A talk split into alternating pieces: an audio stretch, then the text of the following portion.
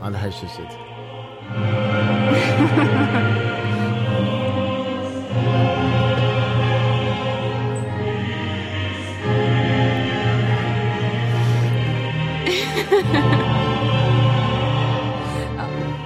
Nu fejdar jag för en gångs skull. Det här är, Detta är ju... körversion. Ja, och detta är ju verkligen um, det slutgiltiga svaret på alla de uh, argumenten som är för cancelling. Nej! för att Wagner skrev detta, han var ett superas från topp till tå, från insidan och ut. Men han skrev detta, och detta gör mig idag, i realtid till och med, till en bättre människa.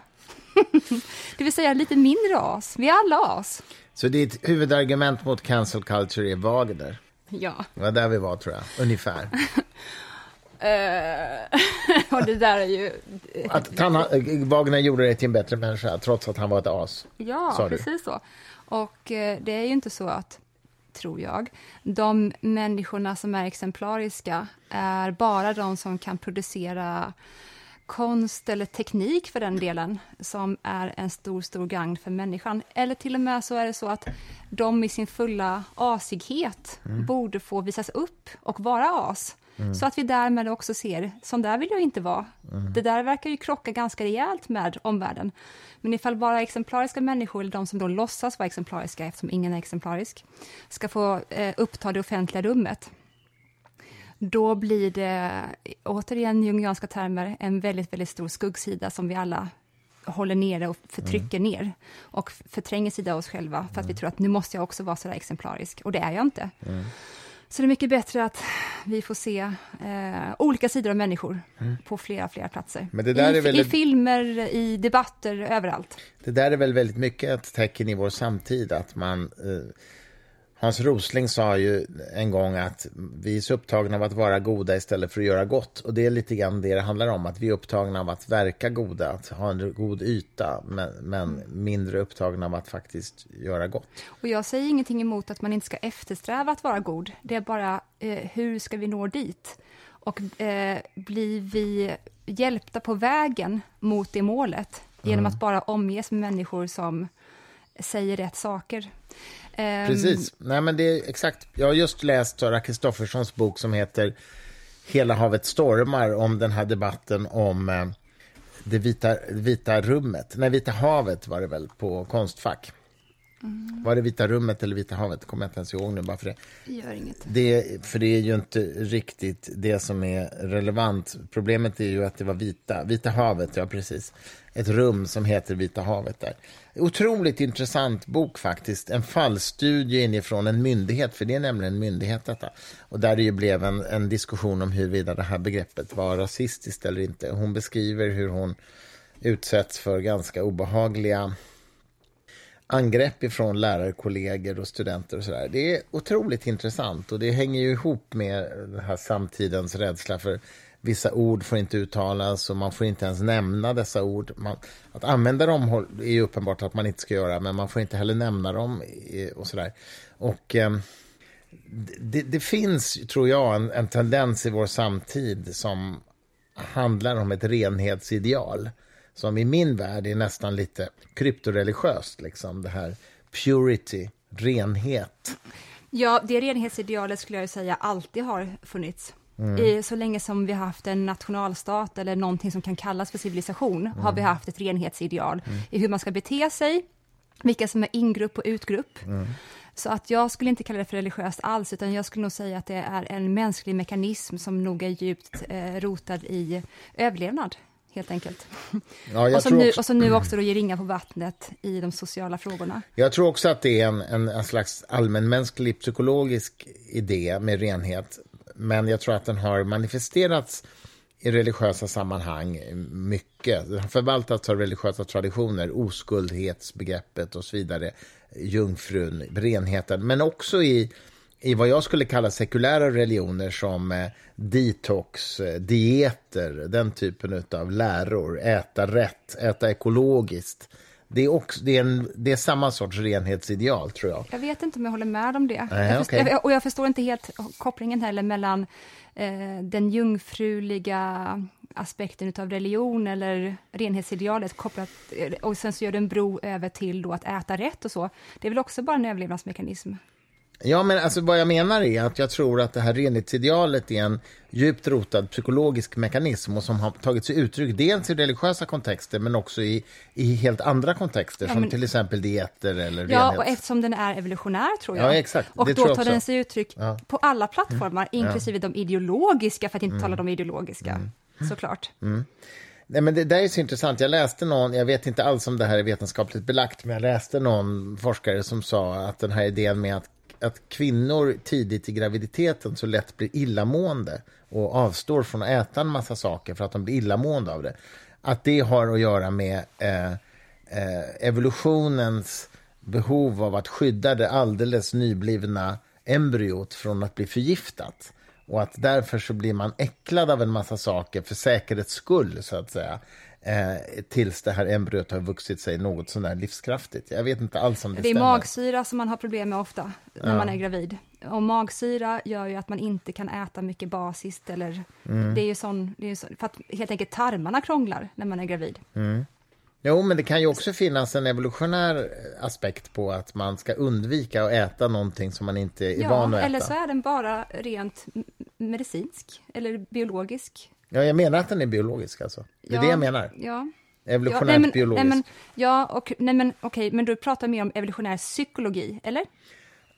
Ja, jag, jag, tror ju att evolutionär psykologi är en, är en konsekvens av evolutionär biologi. Mm. Så, att, så att säga, biologin har gjort att vi psykologiskt undviker att äta mm. saker som vi inte är vana vid. Jag vet inte, jag, jag. jag, blir alltid tveksam när man, när man säger att vi beter oss på det här viset idag för att när vi bodde i grottor då gjorde vi så här. Man bara, ja, eller inte. Kan jo, så är det väl med alla de här sakerna. Vi ja, och sen så egentligen så... Och egentligen är det bara för att det gör ont i tjocktarmen. Det är inte mer än så. Det är inte att vi vill skydda någonting. Det gör bara ont. Det kan ju faktiskt vara så också. Ja, det kan... Med vänlig hälsning har aldrig varit gravid. Nej, just det. Nej, men ja, så kan det vara. Men det kan ju, men det måste, okay. men det kan, det kan ju ändå vara intressant att fundera över vilka beteendeförändringar som uppstår när man precis har blivit gravid jämfört med innan. Självklart. Och om de har en evolutionär funktion. Hur kom vi in på det här förresten?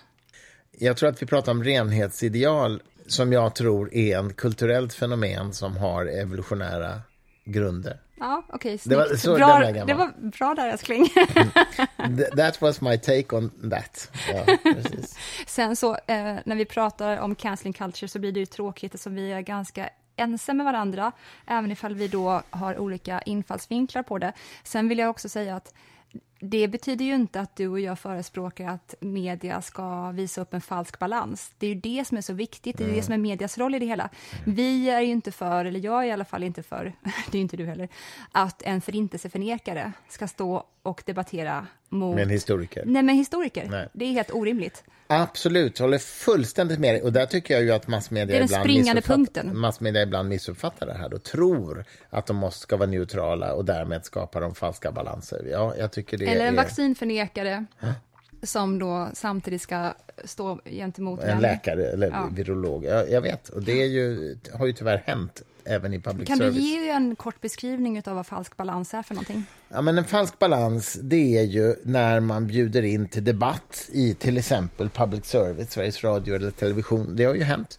Där man bjuder in två sidor där den ena eh, står för det som det råder vetenskaplig konsensus om och den andra sidan står för en eh, om jag ska uttrycka mig grovt, foliehattuppfattning, men mindre grovt en fringe-uppfattning, någonting mm. som den vetenskapliga världen tar avstånd ifrån. Men som är, just i det här specifika fallet vi tänker på så var det ju en läkare som debatterade mot någon amatörbloggare som var vaccinskeptiker. Mm. Och det var ju en person, bloggaren, som inte hade någon som helst medicinsk träning så att säga, men som bara inte gillade att vaccinera sig mot covid.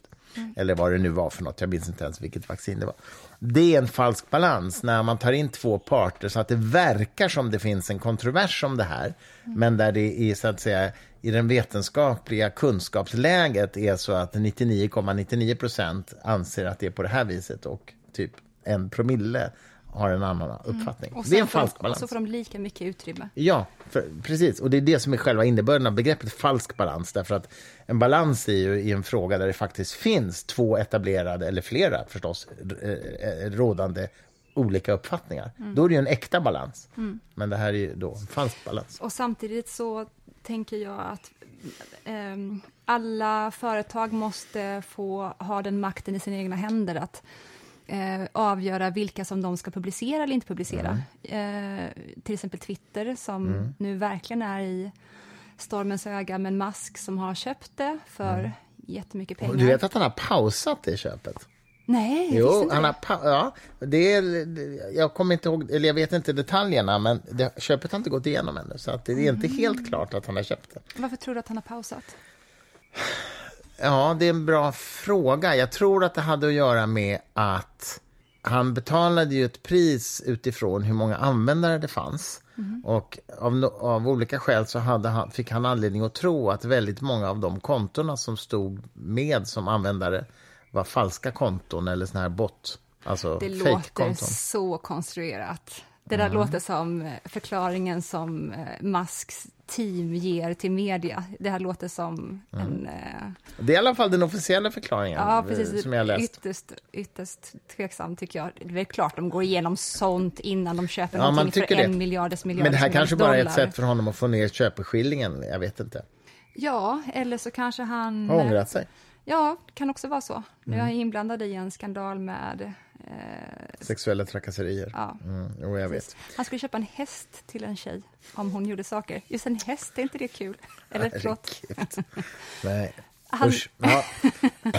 Men du, vi, vi, alltså, vi pratar om lite olika saker nu därför att privata företag får ju naturligtvis publicera vad de vill. Men public service har ju ändå uppgifter att, att eh, vara sakliga och opartiska. Och eh, eh, så att säga sanningsenliga i, i bästa möjliga mån. Så att säga. Och då är det ju ett större problem när de ägnar sig åt falska balanser. Privata företag får göra vad de vill. Jag har ju själv bidragit till falska balanser när jag debatterade med en sån här seansgubbe i SVT som eh, pratade med döda människor på seanser och sådär. Ja, det har du verkligen. Ja, det, och det, det var ju- Varför gjorde du det? Eh, där, eh, varför gjorde jag det? Ja, det är en bra fråga. Därför att jag blev kontaktad av SVT som gjorde det här programmet Mötet. Och de ville tussa ihop mig med Terry Evans som är en eh, eh, seansmakare och bedragare, anser jag. Och eh, eh, jag insåg ju att eh, om jag inte tackade ja till att möta honom och kritisera honom så kommer de be någon annan göra det. Och jag tror att jag gör det bättre än andra. Så då tänkte jag att hellre att han får ett bra motstånd i den här debatten än att, ehm, än att inte få det, så att säga. För att programmet skulle gjorts i alla fall. Men det, var, det är för mig ett moraliskt dilemma. Därför de borde inte ha gjort det där programmet överhuvudtaget. Nej, och jag som känner dig tror ju att det där stämmer till 80 procent. Okej. Det är aldrig så att en förklaring är helt täckande 100 procent. Mm. För jag som lever med dig vet ju om att det finns situationer då du inte kan låta bli. Ja, absolut. Det och då kan det som- snarare vara så att du ägs och rids utav en energi Mm. som får dig att bygga ihop ett eh, rationellt agerande. Men det är energin som kommer först Mm. och sen så bygger du ihop det här resonemanget som gör det försvarsbart. Som vi alla gör Mm. såklart. Jo, men det tror jag är sant. va? Jag blir oerhört provocerad av människor som påstår såna saker. Ja. Det, jag blir oerhört provocerad. Och det är intressant. Man kan fråga sig varför jag blir det. Men jag har ju mycket, mycket svårare för new age-människor som pratar om astrologi eller att de kan gå på seanser och prata med döda människor än jag, har, än jag blir provocerad av religiösa fundamentalister, till exempel. Varför då? då? Ja, det är en jättebra fråga. Jag har inget bra svar på det. Nu, ska man, nu är det lite förenklat att säga så, för att religiösa fundamentalister som är våldsbejakande tycker jag naturligtvis är oerhört mycket värre. Men religiösa fundamentalister som bara tror på dumma saker, men som inte är farliga, det provocerar mig mindre än new ageare. Och, Men de kanske är farliga, de kanske visst är lika farliga. Varför skulle de inte vara det?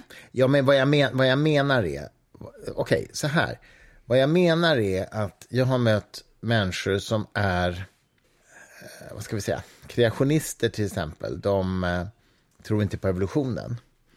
Men de är liksom snälla, vanliga människor som inte liksom eh, gör en fluga för när. Och de har åtminstone en slags sammanhängande världsbild som visserligen är felaktig, men den, den hänger ihop, tycker jag, på något sätt. Alltså givet att man accepterar deras grundtrosatser, deras axiom, så att säga, så har de ändå en sammanhängande Den är bild. coherent, vad heter Den är det på svenska? coherent, ja. Koherent kan man säga Okej, på svenska. Eh, Medan många new age-människor som jag har mött som tror på liksom kristaller eller, eller astrologi eller andar eller vad fan det nu är. De har liksom ingen sammanhang, de har inte en koherent världsbild, utan Jag de tror tror bara på lite vad som helst. Och det tror jag är vad som triggar dig. Det, Du- exakt, det är det jag skulle du- komma till. ja. Det är det som triggar mig. Och det är därför jag inte blir lika provocerad Mm. utav religiösa fundamentalister, så länge de inte är farliga, så att säga, eller våldsbejakande. Mm. Eh, därför att de har ofta en coherent, men felaktig enligt min Mm. uppfattning, världsbild. Men new agearna har inte det. Och, det går, och då går det jämnt ut, så att säga.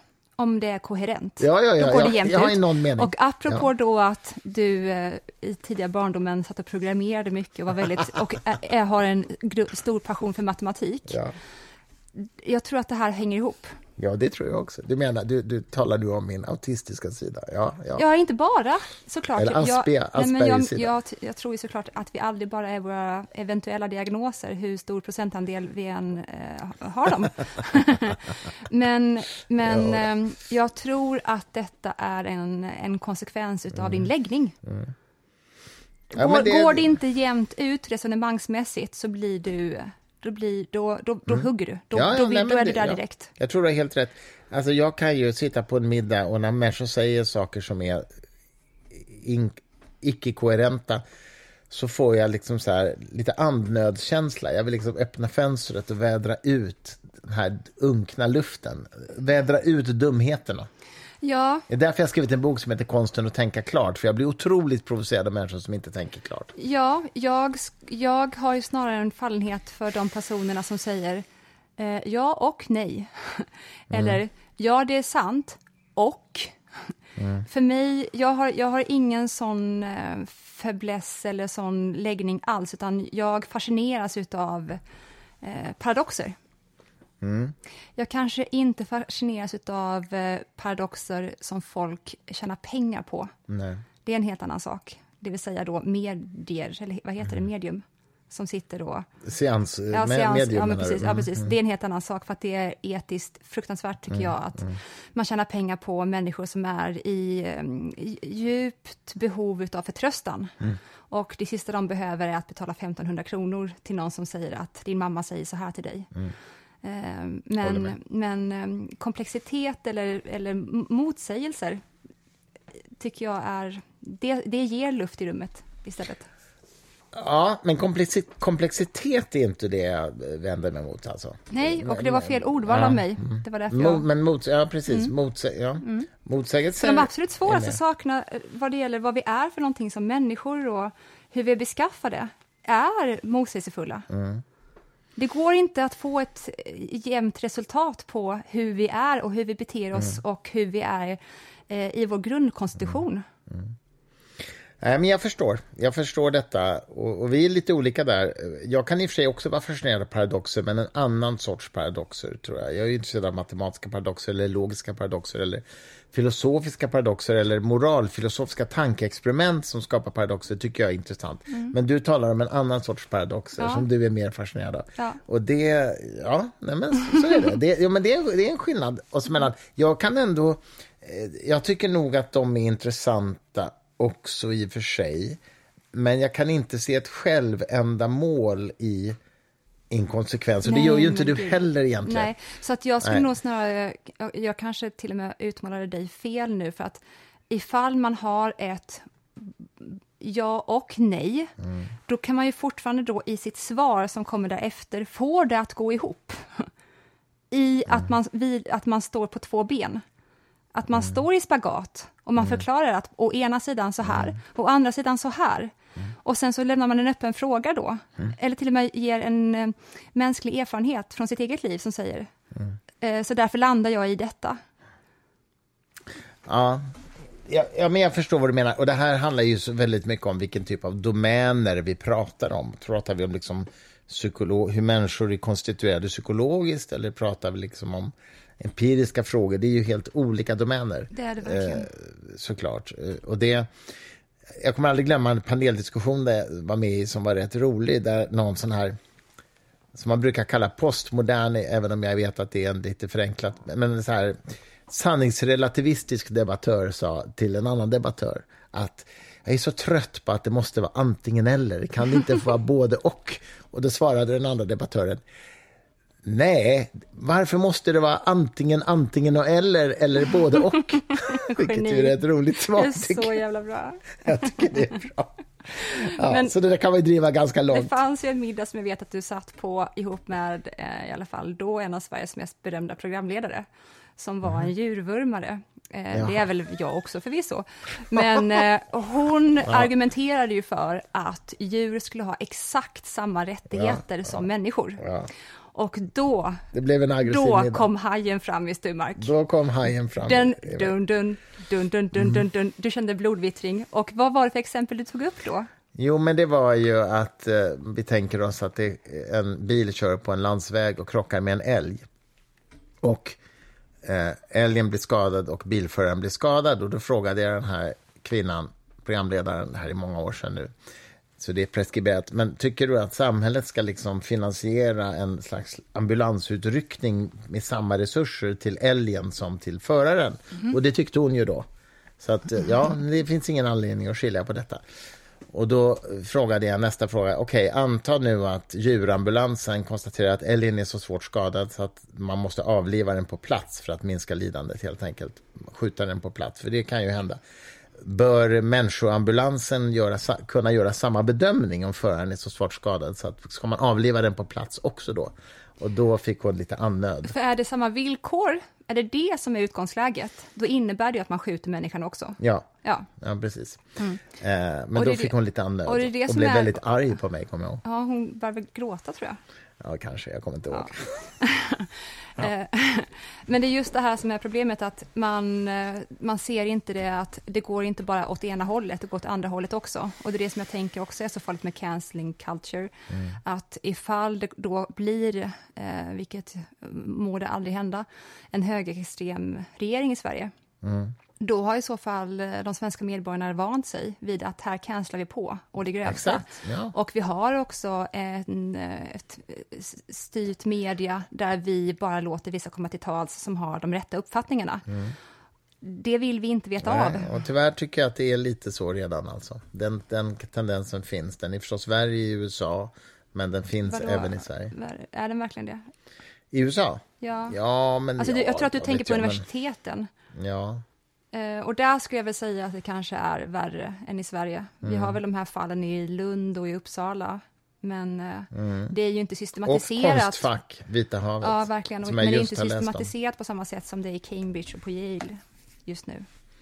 Nej, att man ska det, ha trigger warnings, att innan, mm. innan man eh, exponerar studenterna för en viss sorts litteratur så ska man bli verkligen varnad för att det här kan trigga de här, de här sakerna, så då kan ni lämna rummet när all eh, psykologisk forskning snarare visar att är det någonting som vi behöver så är det att exponeras inför saker och ting mm. för att kunna hantera, bearbeta och kunna använda det produktivt och för också kunna få vapen och verktyg att kunna hantera de här frågorna på ett så vettigt och konstruktivt sätt som mm. bara möjligt. Mm. Det finns ju en tv-serie, jag vet inte om det är HBO eller Netflix, som heter The Chair. Vi har sett en bit på den. Vi har inte sett klart den, tror jag. Men den handlar ju just om en universitetsmiljö där en, en lärare eh, undervisar i historia och gör en Hitlerhälsning för att i någon mening visa hur den ser Jag kommer inte ihåg exakt, men han, han är uppenbarligen inte nazist utan han visar en Hitlerhälsning i sin undervisning. Och då är det någon elev som filmar detta och det blir viralt och det blir en sån här jätteapparat där han ska avskedas och det kommer protest, studentprotester och så vidare. Och så vidare. Och den tendensen finns ju även i Sverige. Så vi har ju sett ett antal såna exempel. Mm, mm. Och det tycker jag är skrämmande. Och Vita havet är ju just denna aktuella bok eh, som utkommer på Volante, som släpptes nu precis, eh, handlar ju om detta. Kan du ge lite bakgrunden till vad, vad den handlar om? Vad är eh, eh grundproblematiken? Eh, ja, men det är ju att det på Konstfack finns ett rum som heter Vita havet och som har en, eh, en namnhistoria som inte har någonting att göra med vithet i, i rasmening utan har helt andra konnotationer. Men där någon studentrörelse eh, säger att det har rasistiska konnotationer och därför ska man byta namn på det här. Och en av lärarna, en professor, eh, Eh, Sara Kristoffersson, eh, reagerar mot det här och säger att det finns ingen anledning att byta namn för att det finns ingen rasistisk, liksom, det finns inget rasistiskt i det här namnet. Och eh, över 40 lärare skriver på någon namninsamling mot den här läraren. Det blir liksom en slags mobbing mobbing-situation. Hon skriver en debattartikel i DN som säger att det här, vi behöver inte byta namn för det finns ingen rasism i det här. Och det blir en otroligt obehaglig eh, rörelse på Konstfack. Och nu har hon skrivit en bok om liksom hela det här dramat som är rätt omskakande faktiskt, ärligt talat. Samtidigt Tycker jag, så fall, tror jag att så du håller med mig att man kan aldrig vara principfast utan att också räkna in kontexten. Nej, ja såklart. Eh, och det kan ju vara så att de här eleverna då som protesterade mot Sara upplevde att eh, vi verkar konstant i en vit miljö där vita konstnärer alltid har burits upp. Varför måste samtidigt också då det här havet heta Vita havet? Det är svårt för oss att leva oss in i kontexten som de här... Jo, så skulle de kanske argumentera. Men problemet är ju bara att, att tar man det, driver man det till sin spets så blir det ju absurt. Då kan vi inte prata om vitvaror till exempel. Vi har vitvaror hemma, liksom. diskmaskin. Det kallas för vitvaror. Det är också, vi lever också i en vit kontext. Liksom. Det, men det är inte rasistiskt. Det var ju några som föreslog att de skulle byta namn till Bruna havet. Mm. Varpå då, var det Sara själv eller någon annan som sa att ja, fast brun är ju, Just det, nazistisk färg. ja, eller fascism. Ja, Ja, ja. så att, Nej, men det blir så, det blir absurt. Ja. Och det, jag vet att vi inte ska prata mycket om detta, men jag, jag störs ju jättemycket på det här med rädslan för att använda vissa namn och att man inte i, språket skiljer på meningen mention, som jag sa inledningsvis. Att, att använda ett begrepp som är nedvärderande får man ju naturligtvis inte göra, eller bör man inte göra menar jag. Får får man, vi har yttrandefrihet, men man bör inte. Men när man talar om begreppen, vilket ju är ett metaspråk, om vi pratar om ett ords etymologi till exempel.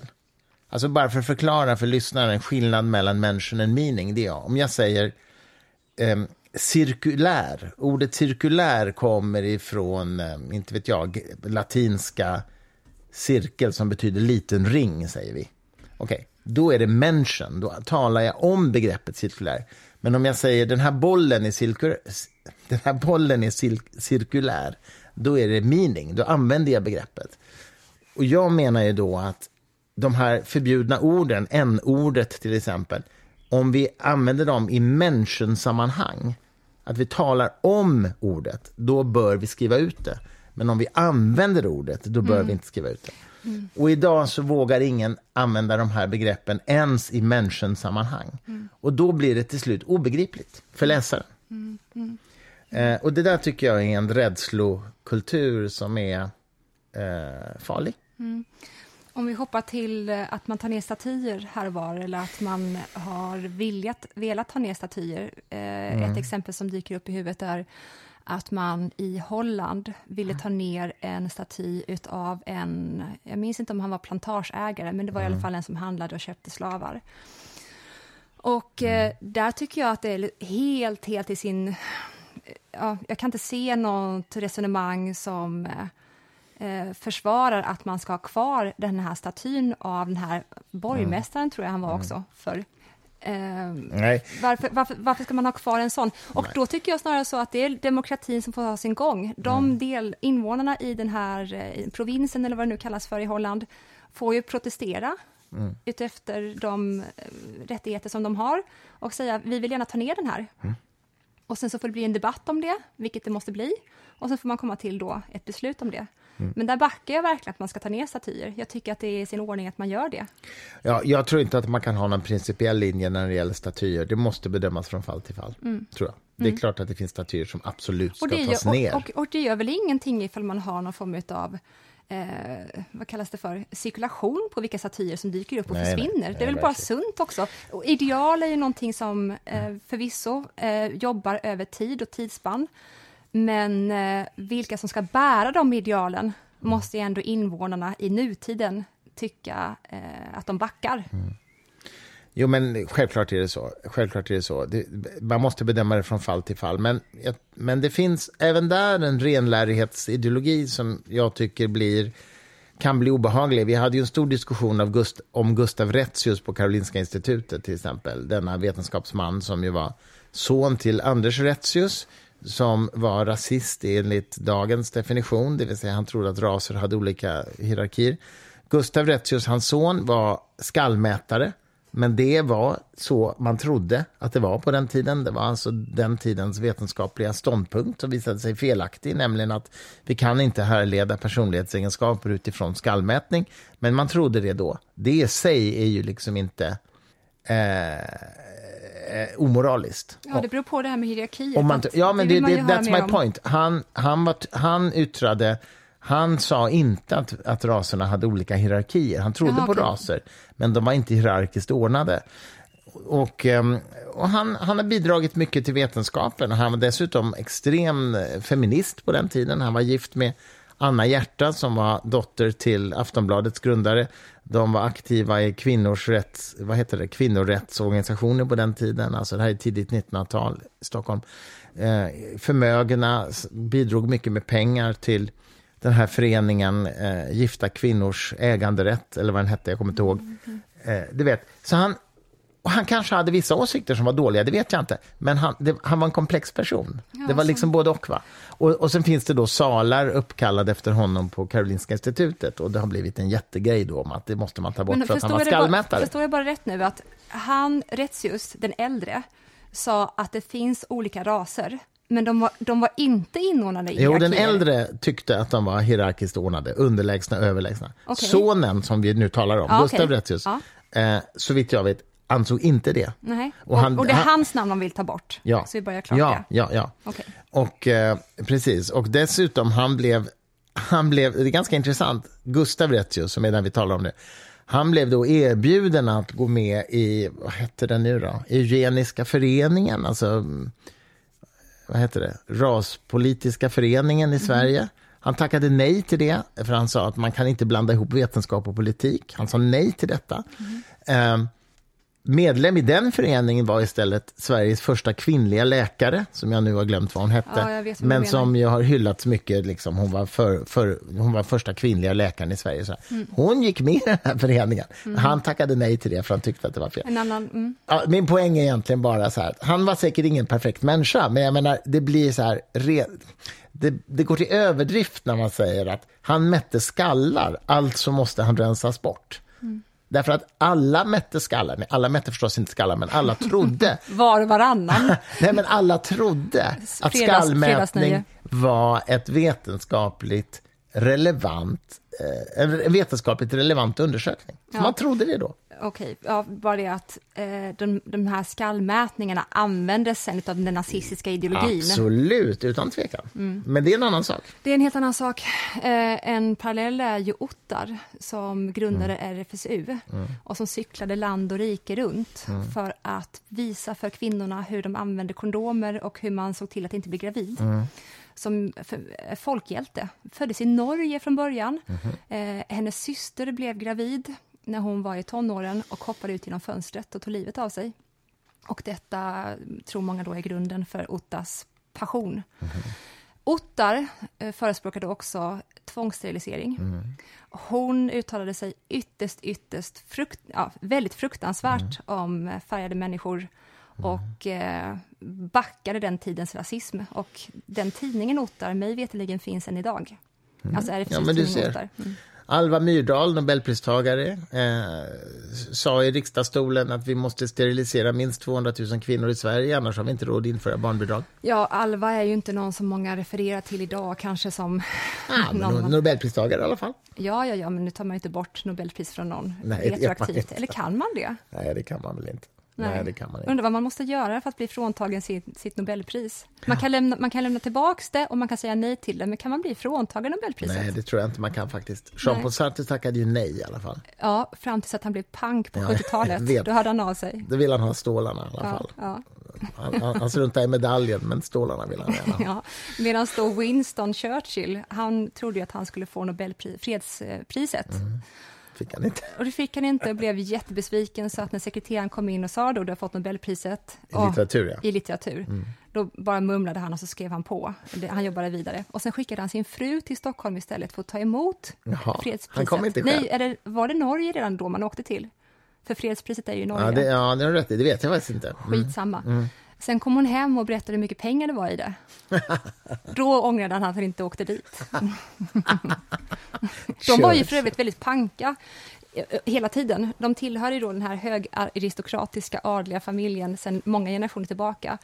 Mm. I alla fall Churchill då. Hans fru mm. var ju, eh, ja, hur som helst, hon kom eh, antingen från USA eller så var det hennes föräldrar som kom från USA. Och eh, Winston var en av de många som gifte sig med en amerikanska eller en amerikansk ättling för att engelsmännen hade de adliga titlarna och de aristokratiska, eh, det som man såg upp till, men amerikanerna hade pengarna. Så att när då, nu blir det en liten utvikning här, Sjukt. när man under 1880-talet i England genomförde en reform som gjorde att adeln behövde betala en fastighetsskatt då var det många adelsmän som bara stod i skiten för att de här godsen kostade skitmycket pengar att underhålla. Mm. Vilket ledde till då att extremt många engelsmän gifte sig med eh, amerikanska industridöttrar. Så industridöttrarna flyttade till England, tog med sig pengarna och gifte in sig i adeln. Och sen kunde de skryta om det då till sina hemstäder i USA med att jag, jag är nästan kunglig. För någonting som USA alltid har saknat så är det ju då en monarki mm. och en, den sortens hierarki. Mm. Och Churchills eh, familj var en, också en del av det här. Och var inte så också att den engelska kungen som abdikerade gifte sig väl också med någon amerikanska av sådana skäl, eller? Nej, det var inte Nej. att hon var rik. Hon var absolut Nej. inte rik. Nej. Du tänker på uh, kung Georges brorsa, Edward. Just det. Edward, eh, just som, jag minns inte vad hon hette nu. Men mm. nej, det var bara ren okay. kärlek. Okej, okay. ren kärlek. Mm, mm. Jag förstår. Uh, du, uh, vi ska upp supertidigt imorgon bitti och åka till, uh, var ska vi åka egentligen? Charleston? Mm, det ska vi. vi ska en litteraturfestival. Till, ja, precis. England, som det sägs, grundades av att en gång på grekernas tid så var det en far som blev så sur över att hans sju döttrar var så promiskuösa så han satte dem på en båt och skickade iväg dem över havet. Off you go. Ni är en skam för den här släkten. De steg i land i England och där sägs det att det bara bodde jättar på den tiden. Och de här då superfrisky, okay. förlåt, jättekåta döttrarna då, bara, ah, vilka jättar! Oh och sen så skaffade de massa barn och detta enligt sägnen är då befolkningen i England som härstammar från de här sju döttrarna och, get och jättarna. vad skulle Dick Harrison säga om den historieskrivningen undrar man. Men, men vad spelar det för roll? Mytologierna är ju vackrast, eller hur? Ja, den här var inte så vacker heller egentligen, men... Nej, men den var lite charmig i alla fall. I alla fall. Men du, vi ska till Bloomsbury, hur, hur är det nu? Virginia Woolfs systers hus? Vanessa Bell hette Virginias syrra och Vanessa var ju en av medlemmarna i Bloomsburygruppen och vi ska till det här huset där Bloomsburygruppen höll till. Mm. När de då var i Charleston. Ja, i Charleston. På en litteraturfestival. Och sen ska mm. vi på ABBA-premiär. Eh, ABBA show-premiär. Eh, det här kommer ju publiceras när vi har kommit hem. Men eh, eh, i podden därpå kan vi kanske berätta lite grann om hur det var. Mm. Eller hur? Mm. Eh, men det kan vi inte nu, för vi har inte åkt ännu. Eftersom vi spelar in det här några dagar i förväg. Men jag tror att vi ska avrunda nu. Ja, det är sant. Eh, vi har pratat vi, i 40 minuter. Vi återvänder till att prata om allt detta ytterst komplexa som har med allt vi har pratat om hittills att göra. Nästa. Men en annan gång. En annan gång. En annan gång. Um, tack för att ni lyssnar på oss och um, på återhörande. Verkligen.